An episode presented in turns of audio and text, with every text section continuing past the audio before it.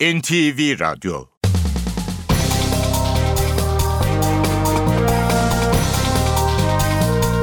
İşe Giderken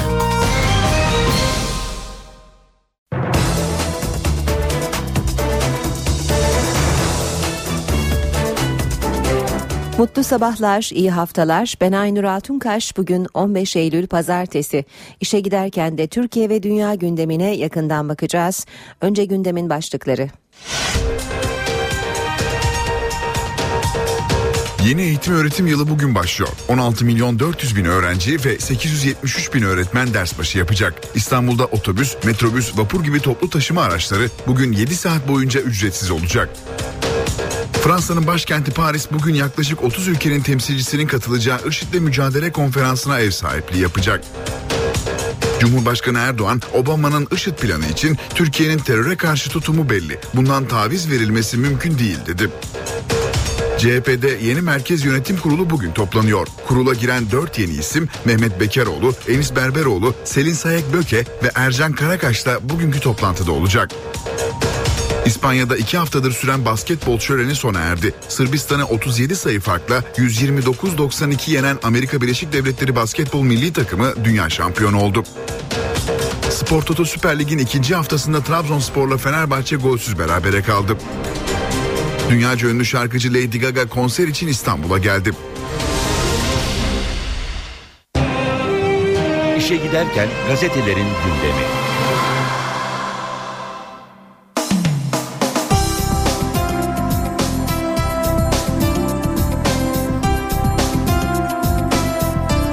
Basın özetleri Hürriyet gazetesiyle başlıyor. Yumuşama mesajları demiş Hürriyet manşetinde.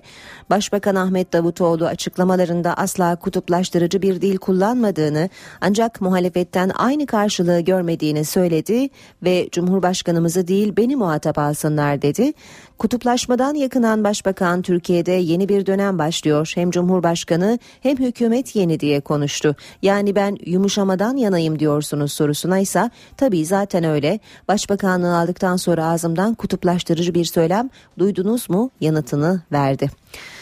Hürriyet yayın yönetmeni Sedat Ergin'in izlenimlerini görüyoruz Hürriyet gazetesinde. Devam edelim ee, yine hürriyetten aktarmaya işte yeni komşularımız başlık. Suriye'de 3 yıldır süren savaş ve IŞİD'in Irak'taki ilerleyişi sonrası Türkiye'nin güney sınır kapılarının karşısında farklı bayraklar dalgalanıyor. İşte son tablo.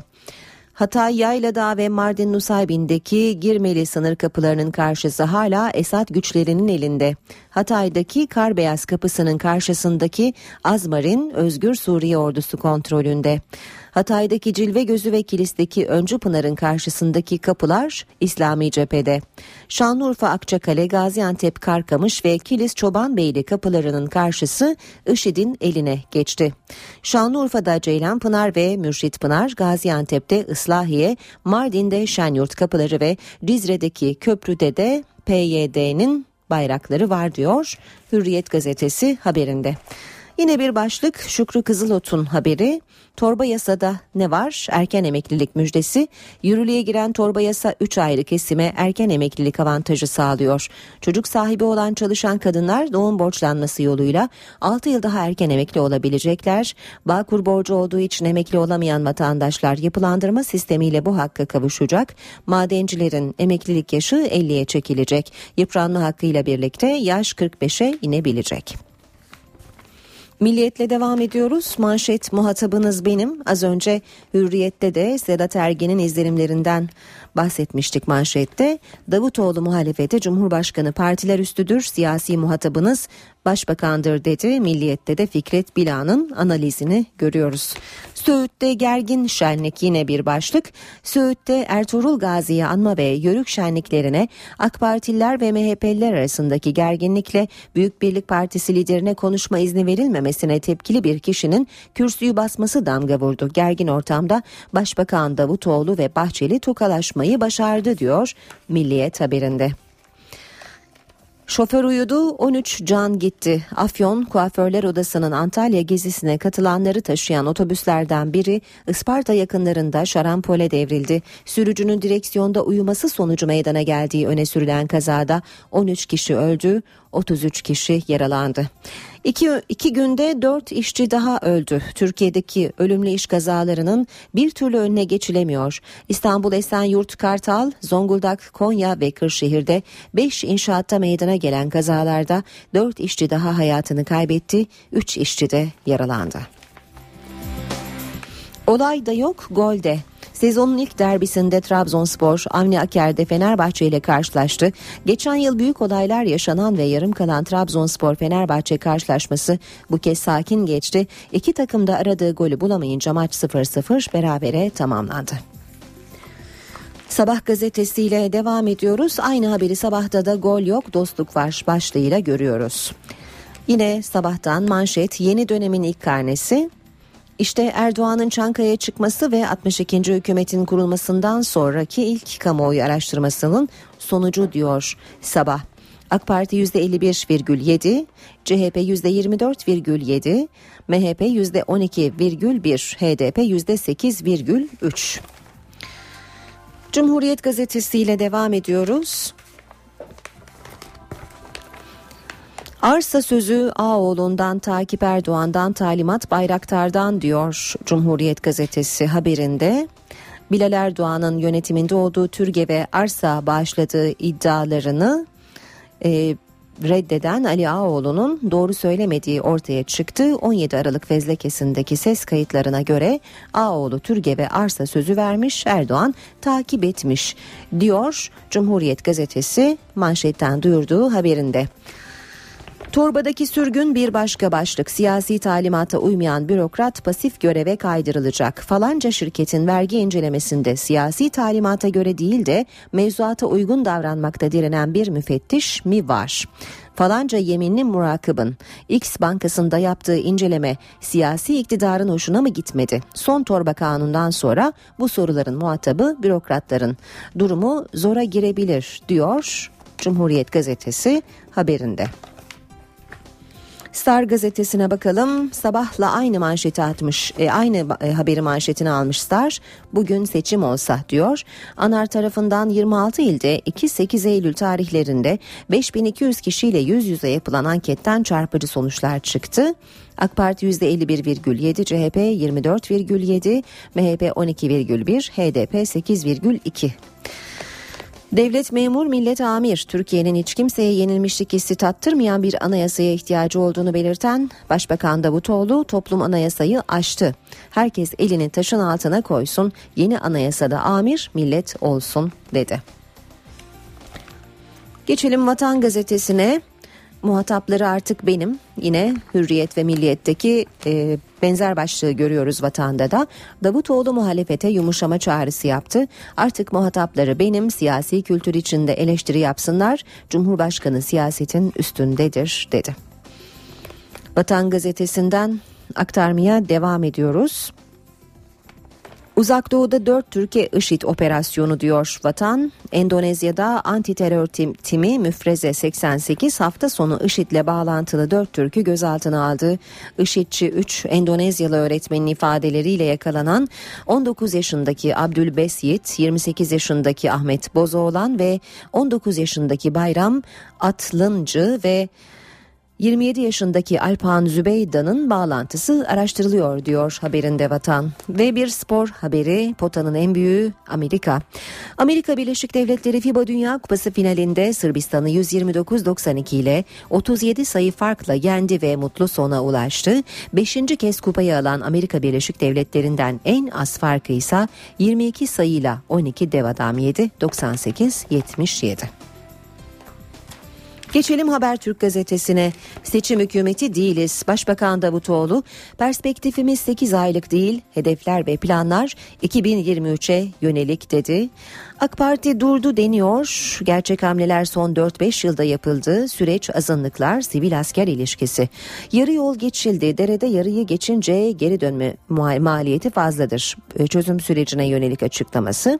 Paralel yapıya ilişkin olarak da Davutoğlu, sorumlu kimse hesabı kim veriyorsa kararı o verir. Paralel yapıyla mücadele esası da bu diyor. Cumhurbaşkanı konusundaki açıklamaları şöyle. Cumhurbaşkanımız artık siyasetin üstündedir. Saldırıp eleştirecekler ederse bana yapacaklar. Muhalefetin muhatabı benim. Yaşamamı o şehitler istedi. Sarıkamış'ta vurulan Profesör Doktor Bingür Sönmez o anları şöyle anlatıyor. Ameliyat yapamamak sevgiliden ayrılmak gibi. Ölebilirdim. O şehitler biraz daha hizmet etsin bize dediler. O meydana bir süre gidemeyebilirim ama Sarıkamış'a gideceğim. Bir sağlık haberi var sırada Habertürk'ten yine. 7'de birimiz diyabetli. Avrupa'da diyabetin en hızlı arttığı tür, e, ülke Türkiye. Peki neden ve çözüm ne? İşte son bilimsel veriler ışığında diyabet gerçeği. Dünya Sağlık Örgütü'ne göre bu artık salgın. Türkiye'de 10 milyon diyabetli var ve sayı hızla artıyor. Ee, geçen yıl diyabete bağlı hastalıklardan dünyada 5,1 milyon kişi öldü. Diyabet nasıl oluşuyor, belirtiler neler gibi soruların cevabını veriyor Habertürk gazetesi iç sayfalarında. Yeni Şafak gazetesine bakalım. Tek başları e, tek başarı hikayesi çözüm süreci. Bölgede etnik ve mezhebi bir çatışma yaşanırken Türkiye'nin çözüm sürecini ilerlettiğini söyleyen Başbakan Davutoğlu bugün Orta Doğu'da bir tek başarı hikayesi vardır. O da Türkiye'nin çözüm sürecidir dedi. Ve Zaman Gazetesi manşette işçi sayısı iki kat arttı, denetim üçte bire düştü diyor. Türkiye ölümlü iş kazalarındaki artışı tartışırken Çalışma Bakanlığı'nın verileri bu tablonun sebebini açıklıyor. Son 10 yılda iş yeri ve işçi sayısı iki kat arttı. Denetlenen iş yeri sayısı ise %70 oranında azaldı. Aksiyon İş Genel Başkanı Vedat Öztürk'ün açıklaması var. İktidar yandaş şirketleri denetim dışı tutuyor iddiasında Öztürk.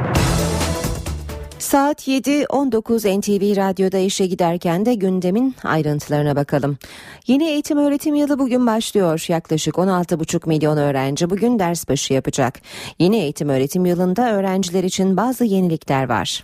3 aylık tatil sona erdi. 16 milyon 400 bin öğrenci ve 873 bin öğretmen ders başı yapacak.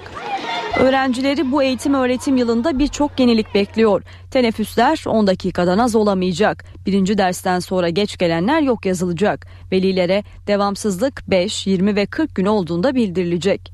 Yazılı sınavla değerlendirme sayısı 3'ten 2'ye indirildi. Öğrenci talep ederse sınavı yeniden incelenecek. Tüm derslerden 2 performans puan verilecek. Biri performans çalışması, diğeri de derse hazırlığı, katılımı üzerinden hesaplanacak. Bir diğer yenilik seçmeli derslerin bu yıl puanla değerlendirilecek olması. Böylelikle seçmeli derslerin öğrencilerde bıraktığı etkinin objektif değerlendirilmesi sağlanacak. Temel eğitimden orta öğretime geçiş sınavı sonrası boş kontenjanlara nakillerse Eylül ayı sonuna dek sürecek. Özel okula dönüştürülecek olan dershaneler de bu yıl son kez öğrenci kaydı alacak. Dönüşüme alınmayan dershanelerle gerekli şartları sağlayamayan öğrenci etüt eğitim merkezlerinin faaliyetleri 1 Eylül 2015 itibariyle sonlandırılacak.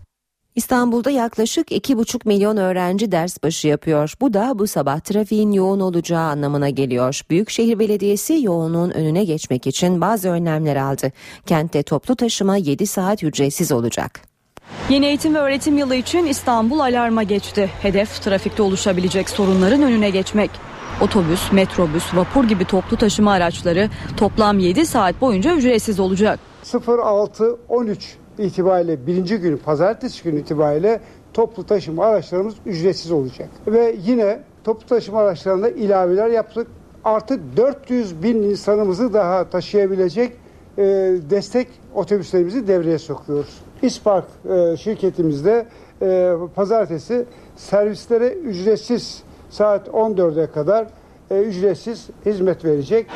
İstanbul'da 2,5 milyona yakın öğrenci ile 110 bin öğretmen ders başı yapacak. Servis araçlarından kaynaklanabilecek trafik için başka önlemler de var. Yol çalışmaları gibi trafiği etkileyecek konularda tedbirler aldık ve kazı çalışmalarına ara verdik. Yani e, trafiğin olumsuz etkilenmemesine de hassasiyet göstermekteyiz. Pazartesi günü itibariyle bir yağışın da böyle lokal olarak yer yer e, geleceğinden bahsediliyor. E, bu konuda da İstanbul'da zaten tecrübeli. Polis ve jandarma da teyakkuz halinde. İstanbul'da yaklaşık 1250 polis, 800 jandarma, 1000 kişiden oluşan zabıta ekipleri okulların açıldığı ilk gün trafik yoğunluğunu azaltmak için çalışacak. Yeni eğitim yılıyla binlerce okul servisi trafiğe eklenecek. İstanbul Trafik Denetleme Şube Müdürlüğü ekipleri okul servisi denetimlerine başladı. Şube Müdürü Mesut Gezer, NTV muhabiri Korhan Varol'un sorularını yanıtladı. Servisler durduruluyor, evrak kontrolleri yapılıyor. İstanbul Emniyeti Trafik Şube Müdürlüğü ekipleri iş başında. Tesbih sallama, öğrencilere fiziksel temasta bulunma, argo konuşma, öğrenciye kızma, hatta tuttuğu takımı aşağılama artık yeni standartlara göre yasaklandı. Ayrıca eski kurallar da geçerli. Okul servis aracı olduğuna dair uyarıların yer aldığı işaretlemelerin olması gerekiyor. Hostesler olması lazım. Her bir çocuğun oturduğu koltukta emniyet kemerinin e, bulunması lazım. İstanbul'da 300 bin öğrenci servis kullanıyor. Okulların açılmasıyla birlikte de denetimler sıklaşacak. Yeni dönemde öğrenciler belirlenen güzergah dışına çıkamayacak. Alışveriş merkezleri ve oyun parklarında indirilemeyecek. İstanbul Emniyeti ailelere uyarıların yanında bir de çağrıda bulundu. Göremediğimiz, fark edemediğimiz hususlar, unsurlar var ise lütfen bizlerle paylaşsınlar bunları. 155 üzerinden şu plakalı araçta servis aracında çocuğumuzu verdik ama şunların eksik olduğunu düşünüyoruz diye. Biz bunun üzerine de o araçları trafikte buluruz. İşe giderken Mardin'in Nusaybin ilçesinde Suriye sınırına yakın bölgeye havan mermisine ait şarapnel parçaları düştü. Ölen ya da yaralanan yok. Olay İpek yolunda tahribata neden oldu. Bölge halkı sınır hattından uzak durmaları konusunda uyarıldı. IŞİD örgütüyle mücadele konusunda Ankara'nın pozisyonuna ilişkin son değerlendirme Cumhurbaşkanı Recep Tayyip Erdoğan'dan geldi. Erdoğan, Katar ziyareti öncesi gazetecilerin sorularını cevapladı ve Türkiye'nin terör konusundaki hassasiyetine dikkat çekti. Türkiye'nin teröre karşı tutumu bellidir ve bundan taviz vermesi de mümkün değildir. Ülkemizde de malum belli terör örgütleriyle bir mücadelemiz var ama bölgede de birçok terör örgütlerinin farkındayız. Bunlara karşı da e, özellikle Türkiye olarak hassasiyetlerimiz devam ediyor. Cumhurbaşkanı Recep Tayyip Erdoğan Katar ziyareti öncesinde Amerikan Başkanı Barack Obama'nın IŞİD planını değerlendirdi. Cumhurbaşkanı Erdoğan, Amerika Birleşik Devletleri ile IŞİD konusunda görüş ayrılığı bulunmadığı mesajını verdi. Gerek yabancı savaşçılar konusunda olsun, gerekse ülkemizdeki e, terör örgütü mensuplarıyla ilgili e, çalışmalar olsun. Bütün bunlardaki hassasiyetimizi bundan sonra da devam ettireceğimizi özellikle de müttefiklerimizle olan bu konudaki e, kararlılığımız, dayanışmamız bundan sonra da yine gerek ulusal gerek uluslararası bazda devam edecektir. Erdoğan, Türkiye'nin terör konusundaki hassasiyetine dikkat çekti. Suriye olsun, Irak olsun, e, ne bileyim Kafkas ülkelerindeki gelişmeler olsun, daha Pakistan'dan Afganistan'a bütün bu bölgede e, istihbari noktadaki bilgi paylaşımı olsun, dayanışmamız olsun. Bunlar önem arz ediyor. Gerek Başkan Sayın Obama ve diğer ülkelerle de bu hassasiyetimizi paylaşarak bu görüşmeleri yaptık. Endonezya'da düzenlenen IŞİD operasyonunda 4 Türk gözaltına alındı. Sulawesi adasında bir aracı takip eden polis 3 Endonezyalı ve 4 Türk vatandaşını yakaladı. Şüphelilerin IŞİD'le muhtemel bağlantılarının soruşturulduğu belirtildi. Fransa'nın başkenti Paris bugün yaklaşık 30 ülkenin temsilcisinin katılacağı IŞİD'le mücadele konferansına ev sahipliği yapacak.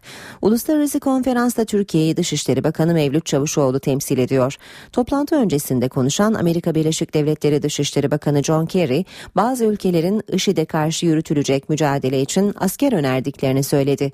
Bir be- Beyaz Saray yetkilisi de IŞİD'in yok edilmesi için kara gücüne ihtiyaç olduğunu söyledi ve bunun için en idealin Sünni güçler olduğunu vurguladı.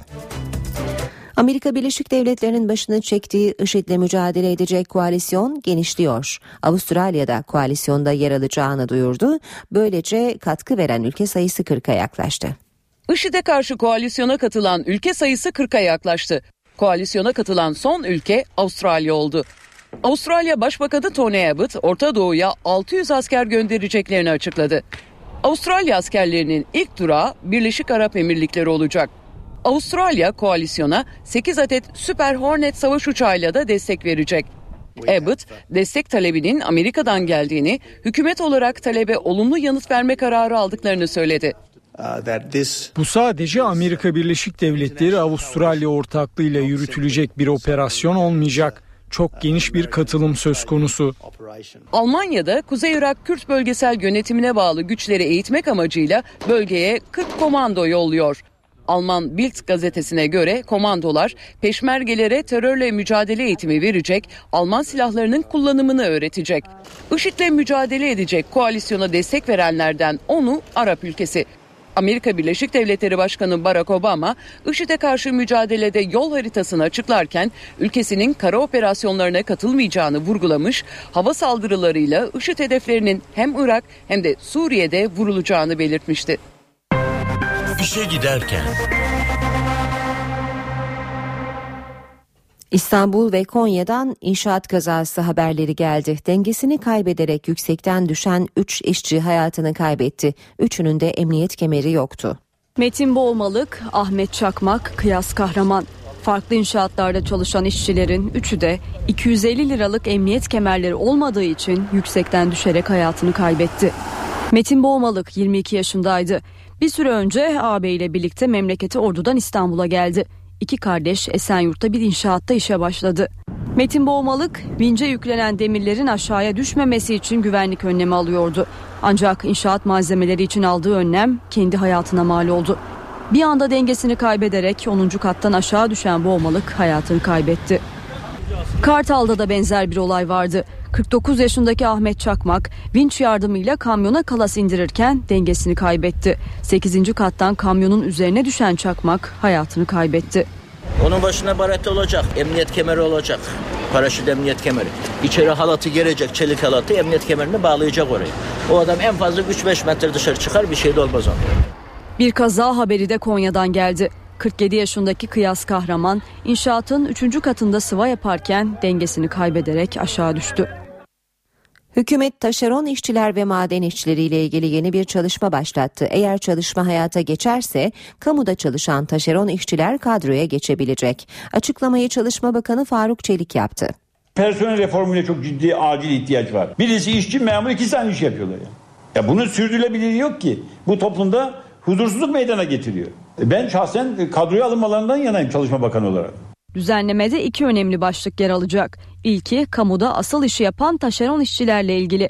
Kamuda çalışan bir taşeron işçi için yargıdan asıl işçi kararı çıkarsa bu kişilerin kadroya alınması gündemde. Yargıya gidip kendilerinin asıl işçi olduğu ile ilgili karar alanlar ve bununla ilgili çok ciddi tazminat e, ta, kamuyu mahkum edenlerle ilgili bir düzenleme Ekim ayında getiriyoruz. Bir diğer önemli başlık maden işçilerinin çalışma saatleri ve haftalık izinleriyle ilgili. Torba yasa maden işçilerinin günde 6 saat çalışıp haftada bir gün izin yapmasını öngörüyor. Ancak bu düzenlemede değişiklik yapılması gündemde. İşçi işveren diyor ki bunu 7,5 saate çıkaralım ee, ve haftada 5 gün çalışsın maden işçimiz. Bir önergeyle değiştirme imkanı olmadı. Bu Ekim ayında ele alacağımız bir konu. Cumhuriyet Halk Partisi torba yasanın bazı maddelerinin iptali için Anayasa Mahkemesi'ne başvuracak. Başvuruyu bugün saat 12'de CHP Grup Başkan Vekili Akif Hamza Çebi yapacak. CHP, kamu çalışanlarının aynı göreve tekrar dönüşünün zorlaştırılması, özelleştirme ve internet düzenlemesi maddelerinin iptalini isteyecek. Yeni eğitim öğretim yılı bugün başlıyor. 16 milyon 400 bin öğrenci ve 873 bin öğretmen ders başı yapacak. İstanbul'da otobüs, metrobüs, vapur gibi toplu taşıma araçları bugün 7 saat boyunca ücretsiz olacak. Fransa'nın başkenti Paris bugün yaklaşık 30 ülkenin temsilcisinin katılacağı IŞİD'le mücadele konferansına ev sahipliği yapacak. Cumhurbaşkanı Erdoğan, Obama'nın IŞİD planı için Türkiye'nin teröre karşı tutumu belli. Bundan taviz verilmesi mümkün değil dedi. CHP'de yeni Merkez Yönetim Kurulu bugün toplanıyor. Kurula giren 4 yeni isim Mehmet Bekaroğlu, Enis Berberoğlu, Selin Sayek Böke ve Ercan Karakaş da bugünkü toplantıda olacak. İspanya'da iki haftadır süren basketbol şöleni sona erdi. Sırbistan'ı 37 sayı farkla 129-92 yenen Amerika Birleşik Devletleri basketbol milli takımı dünya şampiyonu oldu. Spor Toto Süper Lig'in ikinci haftasında Trabzonspor'la Fenerbahçe golsüz berabere kaldı. Dünyaca ünlü şarkıcı Lady Gaga konser için İstanbul'a geldi. Haberlere devam ediyoruz işe giderken de. Başbakan Ahmet Davutoğlu siyasette yeni bir dönem başladığını belirterek muhalefete seslendi. Muhatabınız artık benim dedi. Davutoğlu önceki akşam İstanbul'da bazı gazetelerin genel yayın yönetmenleriyle bir araya geldi. Toplantıya bazı bakanlar da katıldı. Başbakan Davutoğlu siyasette ve toplumdaki kutuplaşmayı değerlendirirken Cumhurbaşkanı Tayyip Erdoğan'ı siyasi tartışmanın parçası haline getirmek istemediğini belirterek o partiler üstü bir kimliğe sahip dedi. Ülkedeki kutuplaşmadan CHP ve MHP'yi sorumlu tutan Davutoğlu ben Kılıçdaroğlu'nu tebrik ettim ama o beni tebrik etmedi. Meclis Genel Kurulu'nda Bahçeli'nin elini sıktım ama o benim gerçek başbakan olduğumu söyledi. Olmadığımı söyledi dedi. Davutoğlu Türkiye'nin en büyük sorunlarından birinin çözüm süreci olduğunu da vurguladı. Bu sürecin provokasyonlara kurban edilmemesi gerektiğini söyledi. Bilecik'in Söğüt ilçesindeki Ertuğrul Gazi'yi anma şenlikleri gergin başladı. Büyük Birlik Partisi Genel Başkanı Mustafa Desteci'nin konuşturulmamasına tepki gösteren bir kişi kürsüye saldırdı. Bilecik Söğüt'te bu yıl 733.sü düzenlenen Ertuğrul Gazi anma şenlikleri olaylı başladı. Gerginlik önce Başbakan Davutoğlu'nun korumalarıyla Devlet Bahçeli'nin korumaları arasında çıktı. Güvenlik şeridi nedeniyle kısa süreli bir arbede yaşandı.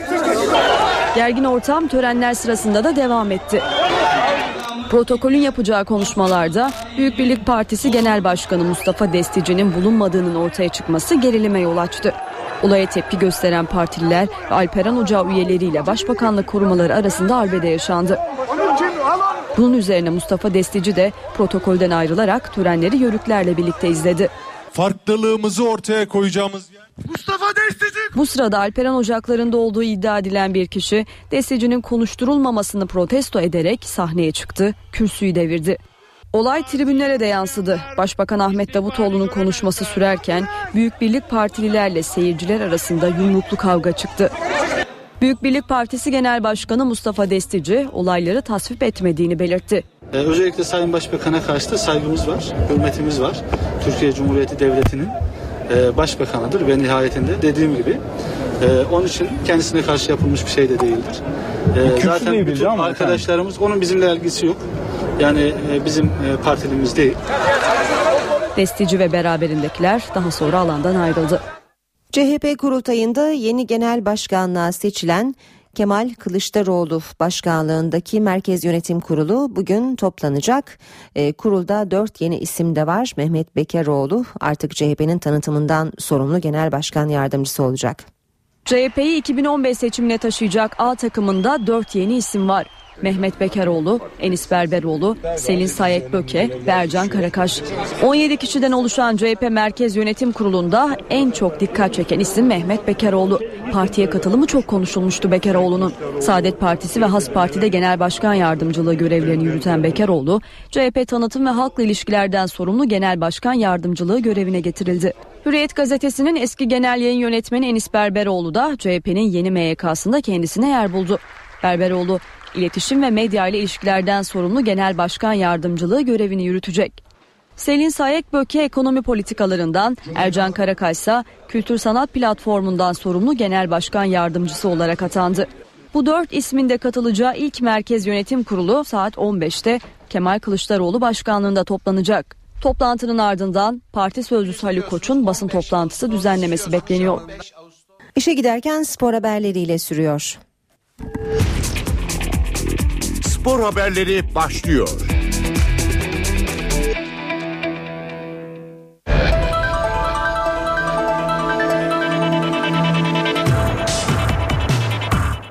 Günaydın spor gündeminden gelişmelerle birlikteyiz. Avni Aker'de gol sesi çıkmadı. Spor Toto Süper Lig'in ikinci hafta mücadelesinde Trabzonspor ile Fenerbahçe 0-0 berabere kaldı.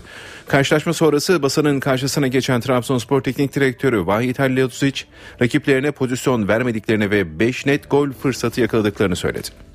Euh, Defansif anlamda Fenerbahçe'yi iyi kontrol ettik. Fenerbahçe Mehmet Topal'ın uzaktan bir şutu dışında pek fırsat bulamadı. Bizse 5 net fırsat yakaladık. Biraz daha sakin olsaydık golü bulabilirdik ama maalesef olmadı. Varis, Yatabare tek çalışma yaptıktan sonra Fenerbahçe karşısına çıktılar. Eksik oyunculara, takıma yeni katılan oyunculara uyum sürecine rağmen neticeden memnunum. 2-3 ay sonra gerçek Trabzonspor'u göreceksiniz. Oyuncularım sadece gol atmayı başaramadı. Kalecinin bacak arasından geçen topu hatırlatayım. Çizgide durdu. Zemin biraz daha ıslak olmuş olsa top filelerdeydi. Türkiye'nin en iyi takımına karşı oynadık. Bunu unutmamak lazım. Oyuncularımı gösterdikleri mücadeleden dolayı tebrik ediyorum. Fenerbahçe Teknik Direktörü İsmail Kartal ise Trabzonspor'un kendi yarı alanına kapandığını ifade etti. Maç başından sonuna kadar oyunun bütün kontrolü bizim elimizdeydi. Ancak sahanın Trabzon'a biz bu kadar senedir geliriz futbolculuk hayatımıza ve antrenörlük hayatımıza da. İlk defa bu kadar e, iyi olmayan bir zeminde futbol oynamaya çalıştık. Futbol oynamak isteyen, e, pozisyon üretmeye çalışan, sonuca gitmeye çalışan bir Fenerbahçe var sahada. Trabzonspor takımı tamamen kendi yarı alanda kapanarak kompakt bir oyun sergilediler. Bizim yapacağımız hatalardan veya bizden kapacakları topla e, hızlı ve çabuk oyuncularıyla kontradan sonuca gitmeye çalışan bir görüntüsü verdiler maç boyunca. Zaten böyle oynayacaklarını biliyorduk. Halil için de Cezayir milli takımdan da aynı oyun felsefesiyle e, bu oyun sistemine alışık olduğunu bildiğimiz için. Ama biz e, kendi adımıza e, rakibin arkasında yeterli derecede boşluklar bulamadık. Bize fazla alan bırakmadılar. Bunun için e, çok fazla pozisyona giremedik. Birkaç tane pozisyona girebildik. Onun haricinde bizim yapmış olduğumuz hatalardan hızlı hücuma çıkarak e, rakibimiz de birkaç tane pozisyona girmiştir. Sonuç olarak Trabzon'da böyle bir ortamda e, saha içerisinde çok bir gergin ortam yoktu. E, oyuncularım ellerinden geleni yaptılar. İyi mücadele ettiler. Bir puan aldık. Böylesine zorlu bir deplasmanda. Trabzonspor Fenerbahçe karşısına 5 eksikli çıktı. Teknik direktör Vahit Halilovic Cardozo'nun yerine Boris ve Yatabare'ye şans tanıdı. Sarı lacivertlerde Caner Erkin ilk 11'de yer alırken sakatlığı bulunan Mereleş ve cezalı Volkan Demirel oynamadı. Trabzonspor Fenerbahçe karşısında ligin ilk haftasında Kayseri Ercespor'la oynadığı maçın ilk 11'ine göre 5 oyuncu değişikliğine gitti. Bordo Mavili takımda sakatlığı olan Deniz Yılmaz ve Mustafa Yumlu'nun yanı sıra Mehmet Ekici, Yusuf Erdoğan ve İshak Doğan ilk 11'de yer almadı. Bu oyuncuların yerine Mustafa Akbaş, Musa Nizam, Salih Dursun, Varis ve Yatabare forma giydi. Sakatlığı devam eden Özer Hurmacı, Cardozo ve Bosingva da kadroda yoktu. Fenerbahçe'de ise ayak parmağındaki sakatlık geçen Caner Erkin ilk 11'de sahaya çıktı. Sarı lacivertli takımda sakatlığı düzelen Bruno Alves de Mihal Kadlets'ten formasını geri aldı. Bir başka sakat oyuncu Meireles'in yerine ise Diego ilk 11'de görev yaptı. Sarı lacivertli takımda cezalı Volkan Demirel ve uzun süredir sakat olan Egemen de kadroda yer almadı. Spor Toto Süper Lig'de ikinci hafta heyecanı sürüyor. Şu ana kadar alınan sonuçlar ve günün programı şöyle. Spor Toto Süper Lig'de ikinci hafta heyecanı sürüyor. Şu ana kadar alınan sonuçlar ve program şöyle. Gençler Birliği 1 Bursa Spor 2, Karabük Spor 0 İstanbul Başakşehir 0, Torku Konya Spor 2 Balıkesir Spor 0, Galatasaray 0 Eskişehir Spor 0, Kasımpaşa 2 Mersin İdman Yurdu 2, Gaziantep Spor 2, Suat Altın İnşaat Kayseri Erciyes Spor 2, Trabzonspor 0 Fenerbahçe 0. İkinci hafta iki maçla tamamlanacak. Akisar Belediyespor, Sivas Spor, Beşiktaş, Çaykur Rizespor. İspanya'da iki haftadır süren basketbol şöleni Amerika Birleşik Devletleri'nin şampiyonluğuyla noktalandı. FIBA Dünya Kupası finalinde Sırbistan'ı 129-92 yenen Birleşik Devletler üst üste ikinci kez mutlu sona ulaştı. Dünya Güreş Şampiyonası sona erdi. Türkiye şampiyonayı erkekler serbestte Taha Akgül'le altın, Yakup Gür'le gümüş, Şamil Erdoğan ve Selim Yaşarlı iki bronz madalya kazanarak 40 yıl aradan sonra ilk kez Dünya Şampiyonası'nda 4 madalyayla dünya üçüncüsü olarak şampiyonayı tamamladı. Türk güreş tarihinde kadınlar serbestte ilk bronz madalyayı ise Elif Jale Yeşilırmak kazandı. Türkiye'nin üçüncü tamamladığı şampiyonada İran birinci, Rusya ikinci oldu.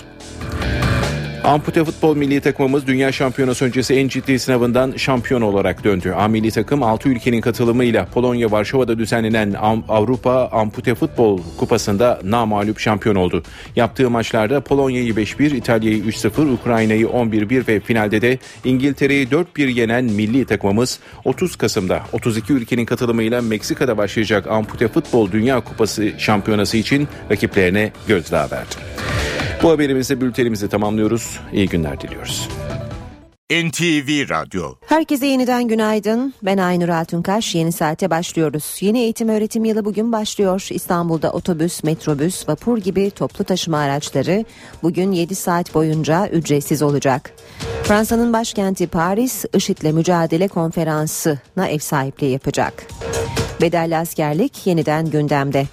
Ayrıntılar birazdan ama önce hava durumu. Eylül'ün e, ortasındayız. Bugün 15 Eylül artık yavaş yavaş sonbaharı hissetmeye başladı bazı iller ve özellikle de batıdan başlayarak yağmur da olacak bu hafta içinde. E, hava sıcaklıkları da düşecek. Uzmanı yanımızda Gökhan Abur hoş geldiniz. Hoş bulduk günaydın.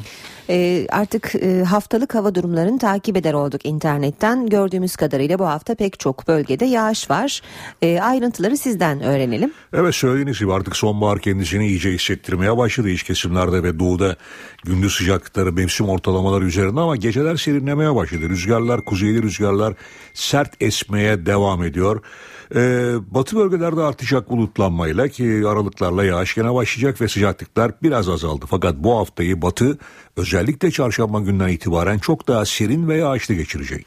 Bu yağışlar aralıklarla hafta boyu devam ederken sıcaklıklar da Trakya'dan başlayarak hatta Batı Karadeniz'den başlayarak iç kesimler ve Ege'yi de etkisi altına alıp en az mevsim ortalamaları civarına hatta yer yer altına inmesine sebep olacak. Evet bugün ilerleyen saatlerde Trakya'da artacak bulutlanmayla hafif de olsa yağışın başlamasını bekliyoruz. Bugün Marmara genelinde beklediğimiz sıcaklıklar 25 ile 27 derece arasında değişecek. İstanbul'da şu anda hava sıcaklığı e, 22 derece bugün beklediğimiz en yüksek sıcaklık ise 26 ile 27 derece civarında olacak. İstanbul'da şu anda Poyraz 15 kilometre hızla yaşıyor. Öğle saatlerinde Poyraz'ın hızının zaman zaman 25 ile 28 kilometreye kadar çıkarmasını bekliyoruz. Güneyde ise Güney Ege'de hava açık. Sıcaklıklar bugün 29 ile 32 derece arasında değişecek. İzmir'de ise hava bugün de 29 dereceler civarında ki şu anda İzmir'de hava sıcaklığı 19 derece açık bir hava var. Rüzgar çok kuvvetli değil ama İzmir'de de bugün beklediğimiz sıcaklık 29 derece civarında olacak. Akdeniz boyunca gün içinde artacak bulutlanma göller bölgesinde Antalya Isparta arasında yine yağış bırakacak. İlerleyen saatlerde ise yine e, Akdeniz'in doğusunda Mersin Adana arasında hafif yağış geçişleri bekliyoruz ki sabah erken saatlerde Anamur civarında hafif de olsa bir yağış vardı. Bunlar çok yerel bahar yağışları da isimlendirebileceğimiz yağışlar. Antalya'da bugün hava sıcaklığı 30 derece olacak. Ankara'da şu anda hava sıcaklığı 10-11 dereceler civarında. Havanın açık olması gece gündüz sıcaklık farkını bir aile artırıyor. Bugün Ankara'da da beklediğimiz sıcaklık yine 27-28 dereceler civarında olacak. Ankara'da ilerleyen saatlerde bulutlanma artacak. Doğuda ise yine sıcaklıklar mevsim ortalamaları üzerinde Doğu Karadeniz bölgemizde ise şu anda bulut oldukça yoğun ve yine Trabzon, Rize, Artvin, Ardahan arasındaki bölgede aralıklarla yağış bekliyoruz. Bunlar kısa süreli sağanaklar şeklinde olacak. Hatta dün olduğu gibi yine Ardahan'da kısa süreli de olsa dolu yağışı bugün evet. de görülebilir.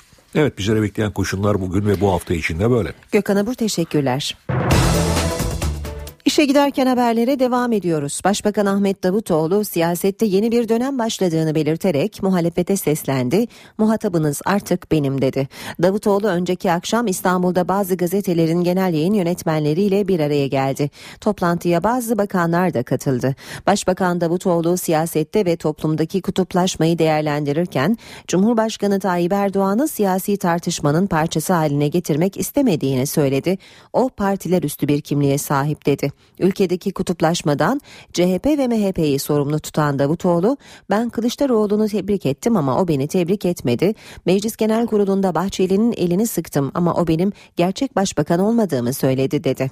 Davutoğlu Türkiye'nin en büyük sorunlarından birinin çözüm süreci olduğunu da vurguladı. Bu sürecin provokasyonlara kurban edilmemesi gerektiğini söyledi. Kültür ve Turizm Bakanı Ömer Çelik internet ansiklopedisi Wikipedia sitesinde otoriteryenizm başlığı altında Türkiye'ye ve Cumhurbaşkanı Recep Tayyip Erdoğan'a yer verilmesine tepki gösterdi.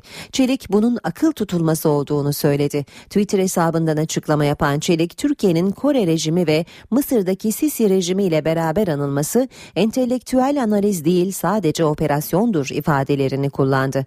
Bakan Ömer Çelik, Türkiye'de otoriteryenizmi kaldıran politikalara bu etiketin yapıştırılmak istenmesinin Türkiye'nin özne olmasından duyulan rahatsızlıktan ileri geldiğini belirtti. Çelik ne yapılmaya çalışıldığını görüyoruz. Türkiye demokrasisini büyüterek özne olmaya devam edecek ifadelerini kullandı. Yeni eğitim öğretim yılı bugün başlıyor. Yaklaşık 16,5 milyon öğrenci bugün ders başı yapacak. Yeni öğretim yılında öğrenciler için bazı yenilikler var. 3 aylık tatil sona erdi. 16 milyon 400 bin öğrenci ve 873 bin öğretmen ders başı yapacak. Öğrencileri bu eğitim öğretim yılında birçok yenilik bekliyor. Teneffüsler 10 dakikadan az olamayacak. Birinci dersten sonra geç gelenler yok yazılacak. Velilere devamsızlık 5, 20 ve 40 gün olduğunda bildirilecek. Yazılı sınavla değerlendirme sayısı 3'ten 2'ye indirildi. Öğrenci talep ederse sınavı yeniden incelenecek. Tüm derslerden 2 performans puan verilecek. Biri performans çalışması, diğeri de derse hazırlığı, katılımı üzerinden hesaplanacak. Bir diğer yenilik seçmeli derslerin bu yıl puanla değerlendirilecek olması. Böylelikle seçmeli derslerin öğrencilerde bıraktığı etkinin objektif değerlendirilmesi sağlanacak. Temel eğitimden orta öğretime geçiş sınavı sonrası boş kontenjanlara nakillerse Eylül ayı sonuna dek sürecek. Özel okula dönüştürülecek olan dershaneler de bu yıl son kez öğrenci kaydı alacak. Dönüşüme alınmayan dershanelerle gerekli şartları sağlayamayan öğrenci etüt eğitim merkezlerinin faaliyetleri 1 Eylül 2015 itibariyle sonlandırılacak. İstanbul'da yaklaşık 2,5 milyon öğrenci ders başı yapıyor. Bu da bu sabah trafiğin yoğun olacağı anlamına geliyor. Az önce de baktığımız kadarıyla İstanbul trafiğinde gerçekten de tüm ana arterlerde yoğunluk yaşanıyor. Büyükşehir Belediyesi yoğunluğun önüne geçmek için bazı önlemler aldı. Kendi toplu taşıma 7 saat ücretsiz olacak. Yeni eğitim ve öğretim yılı için İstanbul alarma geçti. Hedef trafikte oluşabilecek sorunların önüne geçmek. Otobüs, metrobüs, vapur gibi toplu taşıma araçları toplam 7 saat boyunca ücretsiz olacak. 06-13 itibariyle birinci günü pazartesi günü itibariyle toplu taşıma araçlarımız ücretsiz olacak. Ve yine toplu taşıma araçlarında ilaveler yaptık. Artı 400 bin insanımızı daha taşıyabilecek e, destek otobüslerimizi devreye sokuyoruz. İspark e, şirketimizde e, pazartesi servislere ücretsiz saat 14'e kadar e, ücretsiz hizmet verecek. İstanbul'da 2,5 milyona yakın öğrenciyle 110 bin öğretmen ders başı yapacak. Servis araçlarından kaynaklanabilecek trafik için başka önlemler de var. Yol çalışmaları gibi trafiği etkileyecek konularda tedbirler aldık ve kazı çalışmalarına ara verdik. Yani e, trafiğin olumsuz etkilenmemesine de hassasiyet göstermekteyiz. Pazartesi günü itibariyle bir yağışın da böyle lokal olarak yer yer geleceğinden bahsediliyor. E, bu konuda da İstanbul'da zaten tecrübeli. Polis ve jandarma da teyakkuz halinde. İstanbul'da yaklaşık 1250 polis, 800 jandarma, 1000 kişiden oluşan zabıta ekipleri okulların açıldığı ilk gün trafik yoğunluğunu azaltmak için çalışacak. Uyuşturucu kullanma yaşının ilk öğretime kadar düşmesi Milli Eğitim Bakanlığı'nı harekete geçirdi. Bakan Nabi Avcı, narkotik polislerinden oluşturulan narkotimlerin bu haftadan itibaren okul bahçeleri önünde nöbet tutacağını söyledi. Milli Eğitim Bakanlığı sentetik uyuşturucuya karşı harekete geçti. Okul çevresinde görev yapmak üzere narkotim dönemi başlıyor. Velilerimiz de, öğretmenlerimiz de, öğrencilerimiz de bu ders yıl, bu haftadan itibaren okul çevrelerinde ee, özellikle bu konuda uzman ekiplerin e, görevlendirildiğini ve çok sıkı bir tarassut altında tutulduğunu görecekler. Ee, narkotimler diyoruz bunlara. Milli Eğitim Bakanı Nabi Avcı sentetik uyuşturucuyla mücadelede kararlı olduklarını anlattı. Bir kısmı sivil olacak tabii ama okul çevrelerinde yuvalanmış olan, yuvalanmak isteyen, belli yerlerde e, mekan tutan e, kötü niyetli kişilere karşı çok acımasız bir mücadele kampanyası başlatıyoruz. Okullarımızı ve çevrelerini e, bu insanlara e, dar edecek bir e, kampanya bu e, eğitim öğretim yılından itibaren e, başlıyor inşallah. Narkotimler okul bahçeleri önünde nöbet tutacak. Hedef sentetik uyuşturucuyu çocuklardan uzak tutmak. Zira veriler Türkiye'de sentetik uyuşturucu kullanımının günden güne arttığını gösteriyor. Türkiye'de ilk kez 2010'da rastlanan sentetik uyuşturucu kullanım oranı yılda %300 oranında artıyor. Yalnızca 2014'ün ilk 8 ayında sentetik uyuşturucu kullanan 400 kişi hayatını kaybetti. Afyonkarahisar'dan Manavgat'a günübirlik gezi için giden grubu taşıyan tur otobüsü Antalya yakınlarında şarampole yuvarlandı. Kazada 13 kişi hayatını kaybetti, 30'dan fazla kişi de yaralandı. Otobüs kazasında hayatını kaybedenlerden geriye birçok hikaye kaldı. Antalya'daki kazada ölen 13 kişiden biri 23 yaşındaki berber Benan Mardin'di. Mardin geçen yıl berber dükkanında şehit yakınları ve gazilere %50 indirim yaptığı için haberlere konu olmuştu. Dedim babama askerden sonra dedim ben dükkan istiyorum. Babam dedi dükkan aldı. Ondan sonra çalışmaya başlıyorum. Daha iyi, daha düzgün bir şekilde çalışmalarımız daha da devam etmekte.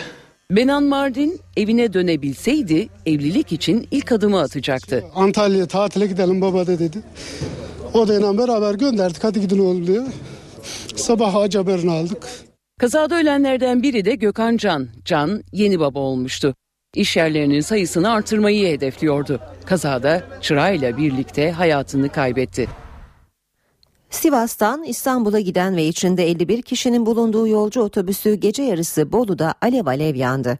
Olayda ölen ya da yaralanan yok. Yolcular kalitesiz motorin şüphesini dile getirdi. Sivas'tan yola çıkan otobüs Temin Yeni Çağ mevkinde alev alev yandı. Yangın gece yarısı otobüs seyir halindeyken fark edildi. Motor kısmından içeri sızan duman fark edilince otobüs kenara çekildi, yolcular indirildi. Yangın başladığında 51 yolcunun çoğu uykudaydı. Otobüs normal geliyordu. Herkes uyuyordu. Lambalar sürekli otobüsün. Ondan sonra hemen haber verdiler. Otobüste arkadan duman geliyor içeri dediler. Yolcuları bu otobüs şoförü durdu. Yolcuları boşaltmaya başladık. Yolcular boşaltmaya başlayınca herkes boşaldı. Arka kapağı açtılar otobüsten alev çıkıyor. Arka kapaktan. Yangın söndürme tüpleri fayda etmedi. Alevler kısa sürede tüm otobüsü sardı. Yolcular bagajlarını kurtarmaya fırsat bulamadı. Uzun süre müdahale edilemeyen yangını Bolu ve Yeniçağ Belediyesi'nin itfaiye ekipleri söndürdü. İyi ki canımızı kurtardık yani. Ne güzel bak bir saat sonra da hala itfaiye ortada yok. Yolculardan bazıları kalitesiz mazot şüphesine dikkat çekti. Söylenecek ne var? Ucuz mazot ihtimalinden. Yapacak bir şey yok. Yolcular başka otobüsle yollarına devam etti. İşe giderken Eskişehir'de tartıştığı eşini bıçakla öldüren bir kişi ağabeyinin eski eşini de yaraladı. Ramazan D ile Şeker D çifti Bahçeli Evler Mahallesi Plevne sokaktaki apartman dairesinde henüz bilinmeyen bir nedenle tartışmaya başladı. Öfkeli koca daha sonra mutfaktan aldığı bıçakla eşini ve misafirliğe gelen ağabeyinin eski eşi Saliha U'yu yaraladı. Yaralanan iki kadın camdan bahçeye atlayıp yardım istedi. Bu sırada saldırgan olay yerinden kaçtı. Yaralılardan Şeker D hayatını kaybetti. Ramazan'da ise daha sonra polis ekiplerine teslim oldu. İstanbul Beykoz'da ağaç devrilmesi sonucu ağır yaralanan çay bahçesinin işletmecisi Suzan Özpeynirci hayatını kaybetti. Ağaç faciasında ölenlerin sayısı 3'e yükseldi. Salı günü Beykoz korusu içindeki Dilruba çay bahçesinde gövdesinden kırılan ağaç masalarda oturan kadınların üzerine düşmüş ve iki kişi olay yerinde hayatını kaybetmişti. Ağır yaralı olarak hastaneye kaldırılan çay bahçesinin işletmecisi Suzan Özpeynirci ise 5 gündür yoğun bakımda tedavi görüyordu. İki kez ameliyat geçiren Özpeynirci dün sabah hayatını kaybetti. Suzan Özpeynirci Şişli Camii'nde düzenlenen cenaze töreninin ardından Kilyos mezarlığında toprağa verildi. İstanbul Cumhuriyet Savcılığı Kağıthane'de 19 yaşındaki Sevde Kösüre'nin üzerine ağaç düşüp ölmesiyle ilgili soruşturmada takipsizlik kararı verdi. Sevde Kösüre geçen yıl 29 Nisan'da Sadabat Parkı'nda üzerine kökü kurumuş bir ağacın devrilmesi sonucu hayatını kaybetmişti. Kösüre'nin ailesi sorumlulardan şikayetçi olmadı. Soruşturmada ise yaşanan kazanın tabiat olayı olduğu gerekçesiyle takipsizlik kararı verildi. Yargıtay sahte içki satarak iki müşterinin ölümüne neden olan gazino sahibi ve işletmecisi için yerel mahkemenin verdiği 4 yıl hapis cezası kararını bozdu. Yargıtay iki sanığın da müebbet hapisle yargılanmasına hükmetti. Yargıtay sahte alkol satan işletmeciyi affetmedi. Sattığı sahte rakı yüzünden iki müşterisi ölen gazino sahibiyle işletmecisine yerel mahkemenin verdiği 4 yıl hapis cezasını bozdu. Yargıtay iki sanığın olası kasten adam öldürmek suçundan müebbetle yargılanmasına hükmetti. Sahte rakının iki kişinin hayatına mal olduğu olay 2010 yılında Bursa'da yaşandı. R.A. isimli şahıs bir gazino çalışanı ile birlikte rakı içti. Ancak rakı sahteydi.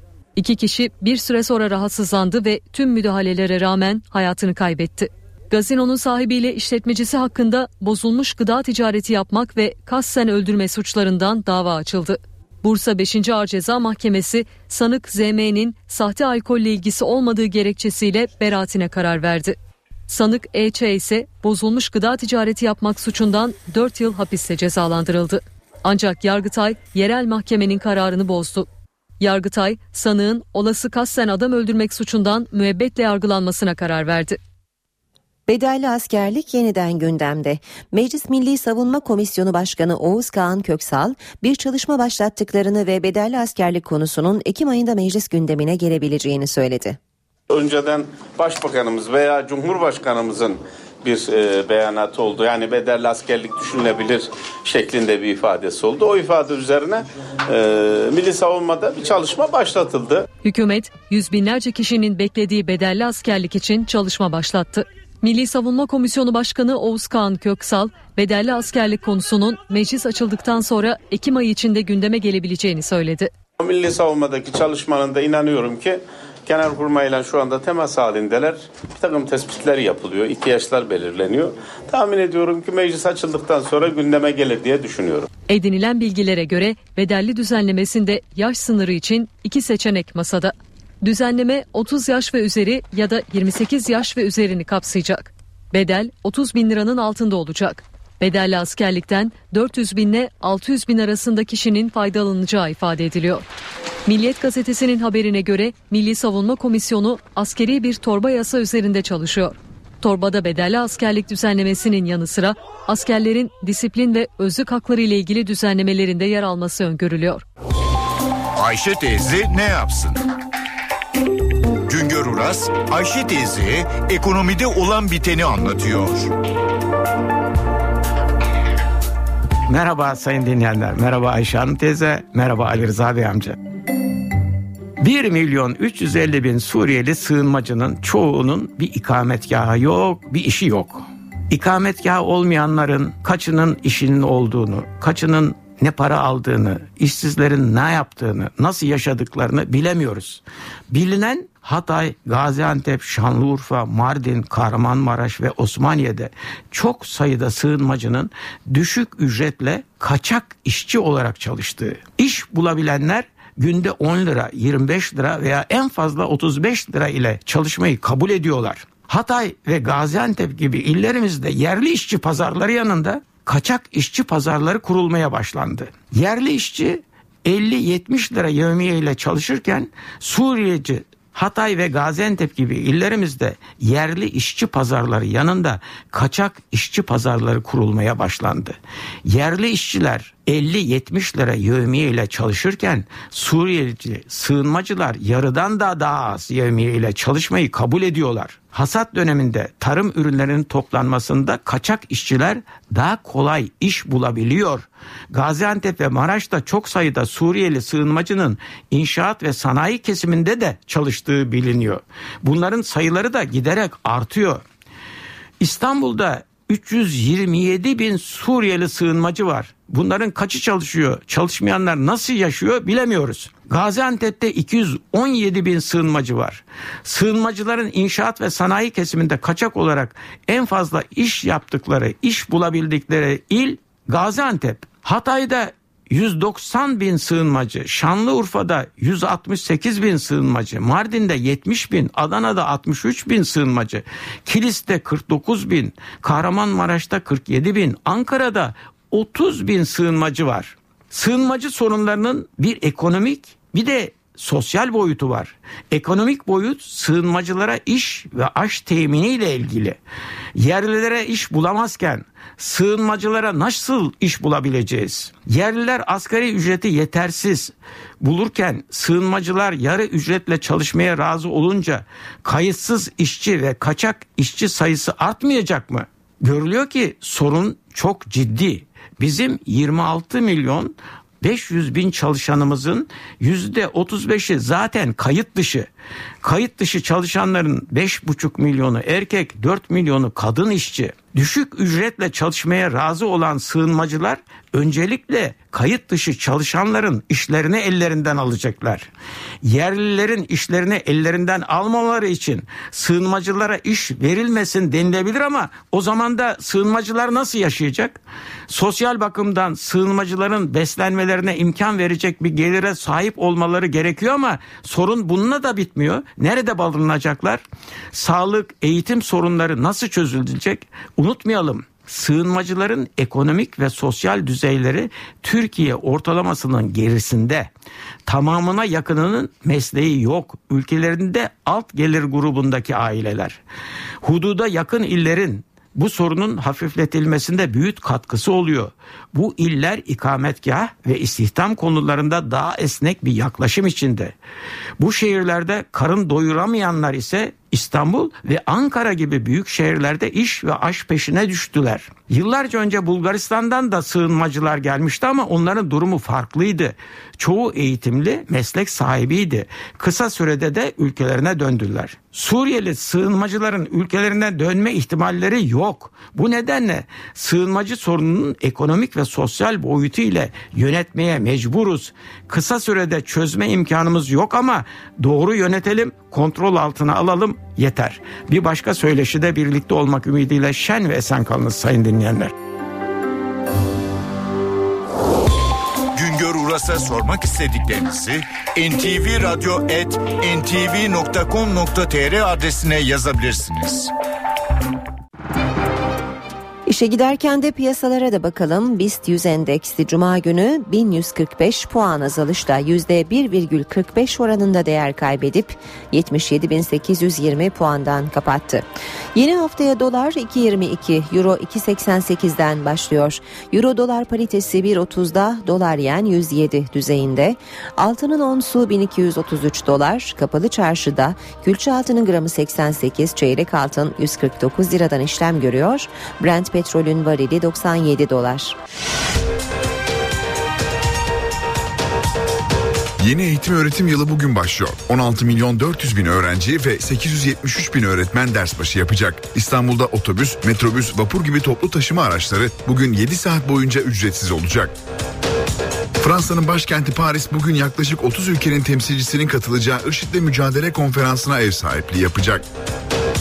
Cumhurbaşkanı Erdoğan, Obama'nın IŞİD planı için Türkiye'nin teröre karşı tutumu belli. Bundan taviz verilmesi mümkün değil dedi. CHP'de yeni Merkez Yönetim Kurulu bugün toplanıyor. Kurula giren 4 yeni isim Mehmet Bekaroğlu, Enis Berberoğlu, Selin Sayek Böke ve Ercan Karakaş da bugünkü toplantıda olacak. İspanya'da iki haftadır süren basketbol şöleni sona erdi. Sırbistan'ı 37 sayı farkla 129-92 yenen Amerika Birleşik Devletleri basketbol milli takımı dünya şampiyonu oldu. Spor Toto Süper Lig'in ikinci haftasında Trabzonspor'la Fenerbahçe golsüz berabere kaldı. Dünyaca ünlü şarkıcı Lady Gaga konser için İstanbul'a geldi. Sırada başkent gündemi var. Bu sabah karşımızda Deniz Kilislioğlu e, olacak ve ondan başkent gündemini alacağız. Deniz.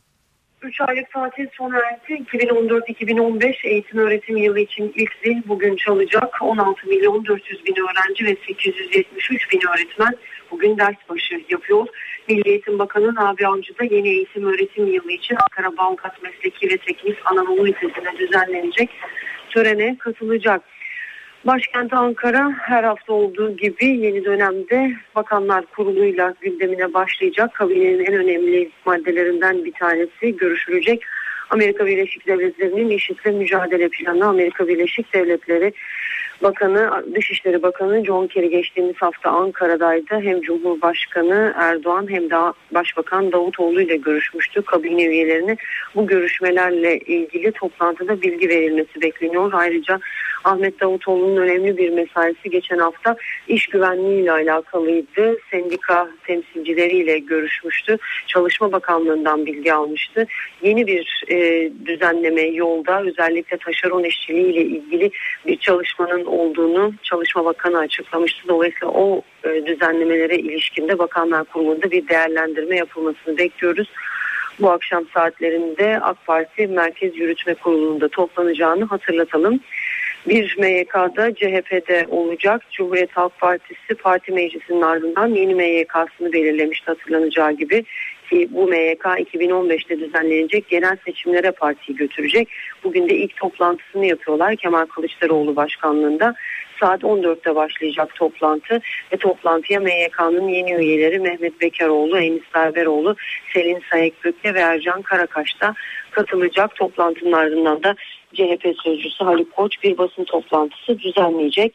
CHP'den bir başlık daha verelim. E, meclisin son yıllarda en uzun süre üzerinde mesai yaptığı torba yasa Cumhurbaşkanı Erdoğan tarafından onaylanmış ve yürürlüğe girmişti ama tartışması da devam ediyor. Cumhuriyet Halk Partisi bugün o tartışmayı Anayasa Mahkemesi'ne taşıyacak. Torba yasada yer alan kamu çalışanlarının aynı göreve tekrar dönüşünün zorlaştırılması, özelleştirme ve internet düzenlemesi maddelerinin iptalini isteyecek CHP. Bu arada e, edinilen bilgilere göre daha sonra detaylı bir çalışma yapacak ve torba yasayla ilgili Anayasa Mahkemesi'ne daha ayrıntılı bir iptal başvurusunda bulunacağını da hatırlatmış olalım. E, torba tasarı çalışmalarını tamamlayan Büyük Millet Meclisi 1 Ekim tarihine kadar tatile girmişti ama e, bazı milletvekillerinin bugün mecliste basın toplantıları olacak. CHP'li Aylin Nazlı Aka ve Sezgin Tanrıkulu ile bağımsız Kütahya Milletvekili İdris Bal bugün bir basın toplantısı düzenleyecek mecliste. Ekonomi cephesinden iki önemli başlıkla bitirelim Ankara gündemini. Bugün iki önemli veri açıklanacak. Maliye Bakanlığı 8 aylık bütçe sonuçlarını, TÜİK ise Haziran ayı işsizlik rakamlarını açıklayacak. Saat 8.43 işe giderken de beraberiz. Bu bölümü önce dünyadan haberlerle başlıyoruz. Fransa'nın başkenti Paris bugün yaklaşık 30 ülkenin temsilcisinin katılacağı IŞİD'le mücadele konferansına ev sahipliği yapacak. Uluslararası konferansta Türkiye'yi Dışişleri Bakanı Mevlüt Çavuşoğlu temsil edecek. Toplantı öncesinde konuşan Amerika Birleşik Devletleri Dışişleri Bakanı John Kerry, bazı ülkelerin IŞİD'e karşı yürütülecek mücadele için asker önerdiklerini söyledi. Bir Beyaz Saray yetkilisi de IŞİD'in yok edilmesi için kara gücüne ihtiyaç olduğunu söyledi ve bunun için en idealin Sünni güçler olduğunu vurguladı.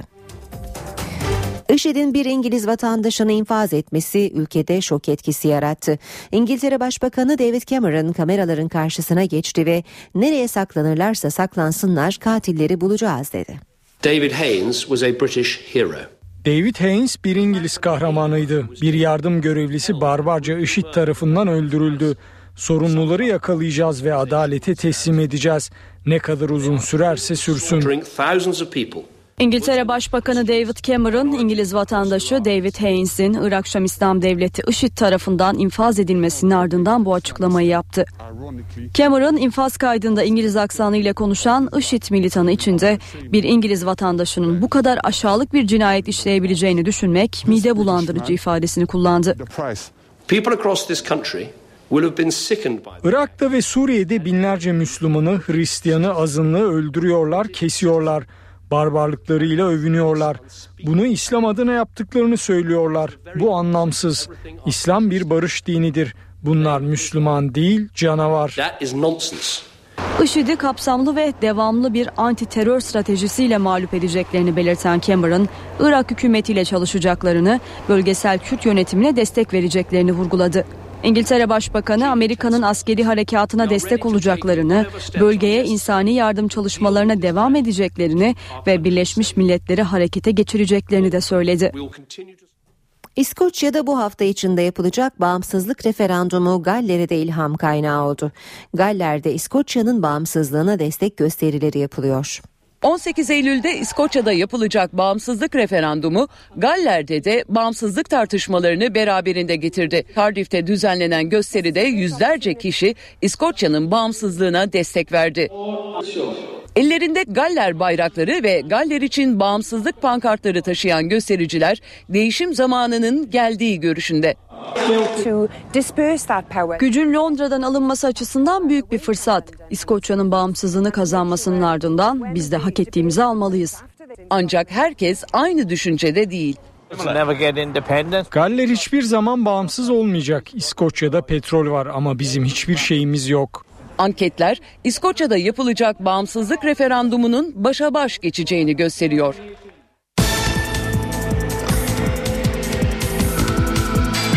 İşe giderken Yeni ders zili bugün çalıyor. Yeni eğitim yılıyla birlikte binlerce okul servisi de trafiğe eklenecek. İstanbul'da okul servisi denetimleri başladı. İstanbul Trafik Şube Müdürü Mesut Gezer, NTV muhabiri Korhan Varol'un sorularını yanıtladı. Servisler durduruluyor, evrak kontrolleri yapılıyor. İstanbul Emniyeti Trafik Şube Müdürlüğü ekipleri iş başında.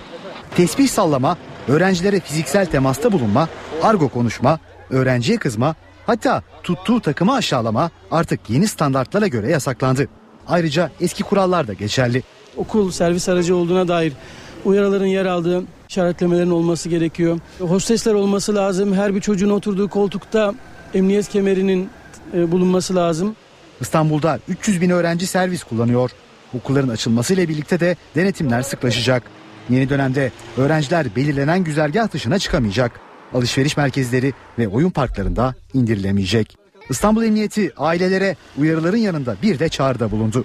Göremediğimiz, fark edemediğimiz hususlar, unsurlar var ise lütfen bizlerle paylaşsınlar bunları. 155 üzerinde şu plakalı araçta servis aracında çocuğumuzu verdik ama şunların eksik olduğunu düşünüyoruz diye. Biz bunun üzerine de o araçları trafikte buluruz. Emniyet Genel Müdürlüğü 2014'ün ilk 7 ayında yaklaşık 60 bin sürücünün ehliyetine alkol nedeniyle el koydu.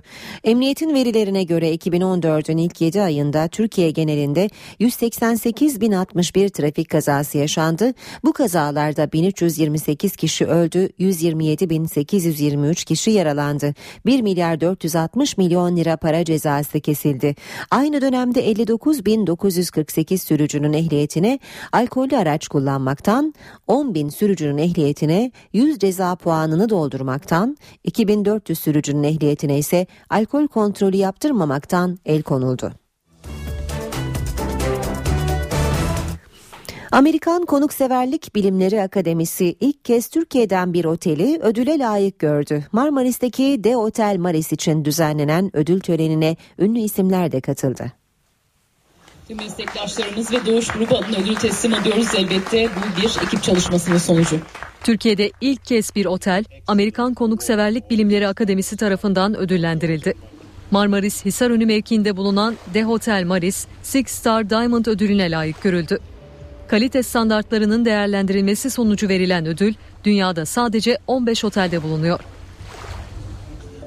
Burada gördüklerimiz bizi çok mutlu etti. Kalite olarak eşsiz. Standartlar ve personelin tavrı mükemmel. Çok etkilendim.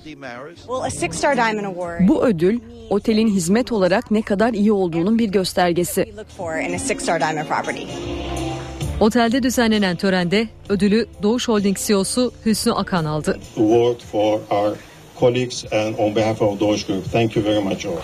Tüm meslektaşlarımız ve Doğuş Grubu adına ödül teslim ediyoruz. Elbette bu bir ekip çalışmasının sonucu. Ünlü aktör Armand Asante'nin de katıldığı gecede dünyaca ünlü şarkıcı Emma Chaplin ve tenör Christopher Macchio sahne aldı. 1949 yılında kurulan Amerikan Konukseverlik Bilimleri Akademisi, otel, havayolu, restoran gibi kuruluşların kalite standartlarını değerlendiriyor. 15 Eylül Dünya Lenfoma Günü öncesinde bu hastalığa dikkat, çek, dikkat çekmek için etkinlikler düzenlendi. Beşiktaş'taki organizasyona bir süre önce kanser tedavisi gören müzisyen Özkan Uğur da katıldı. Lenfomaya inat, hayata sanat kat. Bu slogan lenfoma hastalığına dikkat çekmek için. Lenfomaya inat bugün birazcık hayatlarına sanat katsınlar. Tabii bir günde hemen sanatçı olunmaz ama en azından bir yerden bir giriş yapsınlar. Uzmanlara göre lenfomada da erken teşhis hayati önem taşıyor. Genellikle e, ortaya çıkarken lenf bezi büyüklükleriyle kendisini gösteriyor. Ateş önemli bir bulgu, korkulmaması gereken bir hastalık, tedavi edilebilir bir hastalık. Beşiktaş Abbas Ağa Parkı'ndaki etkinliğe geçen yıl kanser tedavisi gören Özkan Uğur da katıldı deneyimlerini paylaştı. Moral çok önemli. Moralimizi her zaman yüksek tutacağız ve e, hobimiz olacak, bir uğraşımız olacak. Bu fotoğraf çekmek de olur, resim yapmak da olabilir, enstrüman çalmak da olabilir. En büyük meditasyon bu. Hastalığımızda çok iyi gelecek. Lenfoma hastaları da etkinlikteydi. Birbirlerine moral verdi. Lenfoma farkındalığını artırmak için hem de bir sürü hastanın birbirleriyle olan deneyimlerini paylaşmaları için çok güzel bir etkinlik diyebilirim. Çünkü hem doktorlar hem hastalar hem de e, buna gönül vermiş bir sürü insan bir araya gelip güzel bir şekilde birbirleriyle bir şeyler paylaşıyorlar.